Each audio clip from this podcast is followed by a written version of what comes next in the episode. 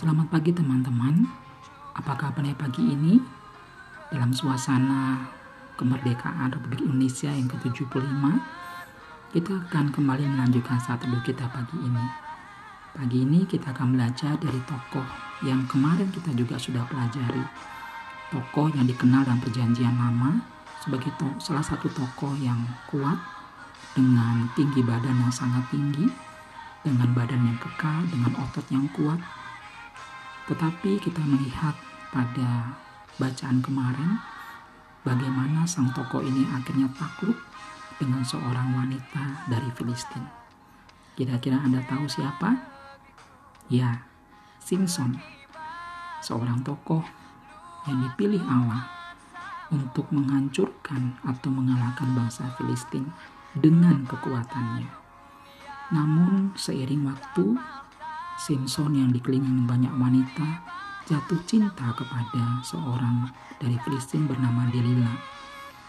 Karena orang-orang Filistin sangat membenci Simpson, karena Simpson telah mengalahkan banyak orang-orang Filistin, sehingga Delila dipakai oleh orang-orang Filistin untuk mencari tahu di mana kekuatan Simpson sebenarnya.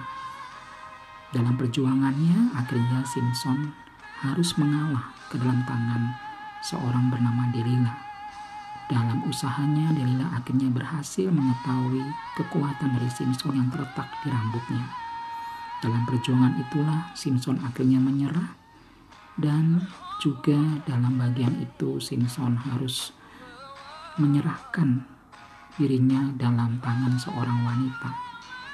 Teman-teman, pagi ini kita akan kembali belajar dari toko yang sama.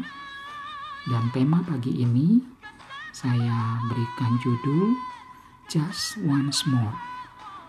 Teman-teman yang kasih Tuhan, teman-teman mungkin pernah mendengar satu lagu yang dipopulerkan oleh seorang penyanyi yang beberapa bulan lalu dia sudah dipanggil Tuhan dalam karena keadaan sakitnya. Teman-teman, dengarkanlah lagu berikut ini.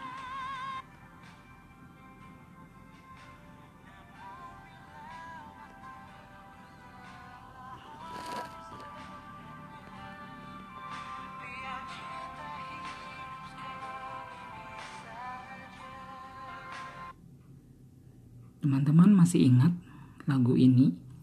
Ya, lagu ini dari Glenn Fredly dengan judul lagunya sekali ini saja. Just once more.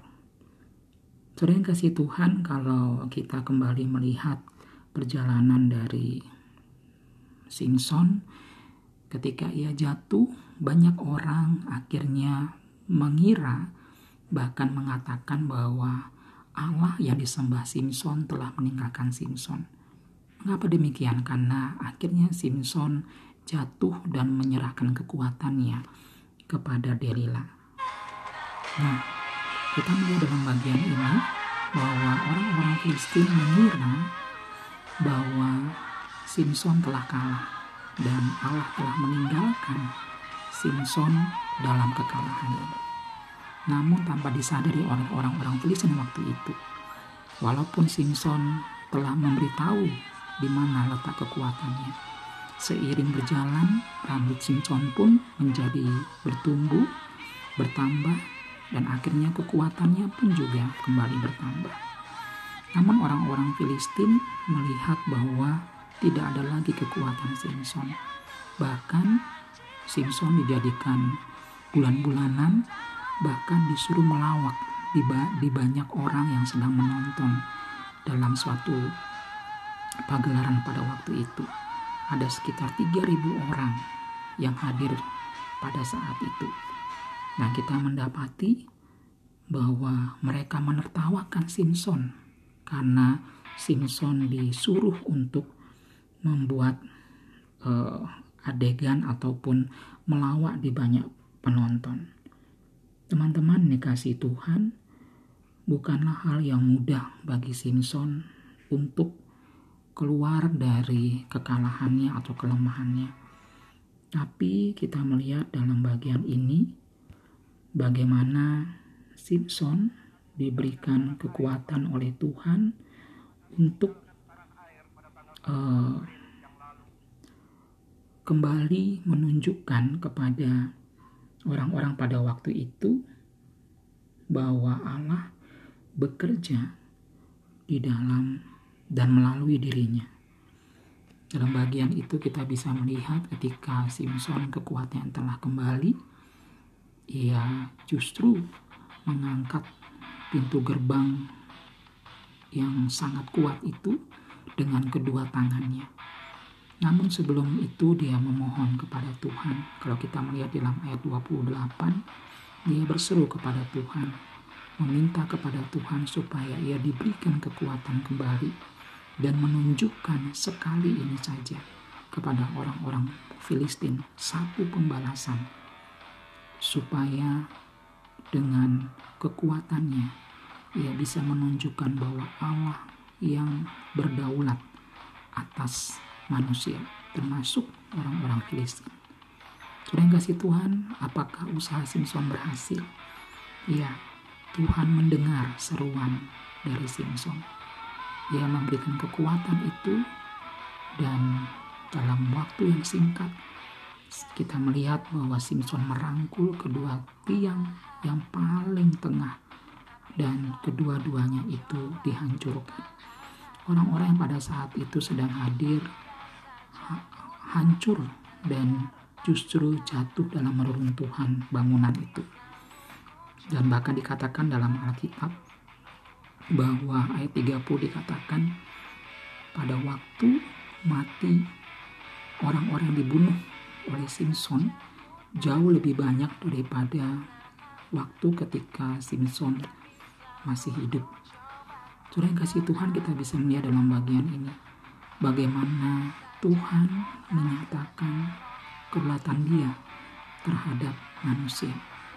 Simpson yang dipikir lemah ketika kekuatannya sudah lemah atau diserahkan kepada orang-orang Filistin tapi justru Tuhan kembali menunjukkan keadilan dan kuatannya melalui Simpson dari bagian ini kita bisa belajar bahwa pertobatan itu tidak bisa kita hanya peroleh dengan cara dengan kekuatan kita kita paham dan kita sadar bahwa kita juga punya kelemahan.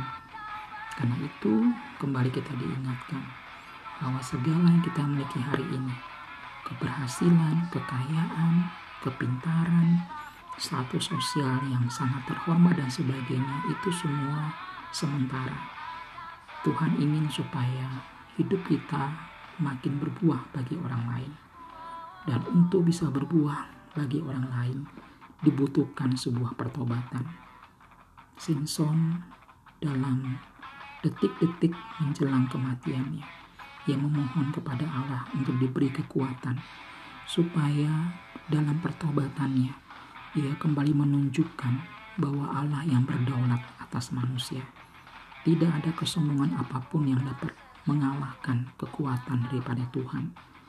Saudara yang kasih Tuhan sebagai bagian akhir dari perenungan kita pagi ini, kita belajar bahwa pertobatan akan memberikan kekuatan baru sehingga kita menemukan kembali arti dan tujuan hidup kita.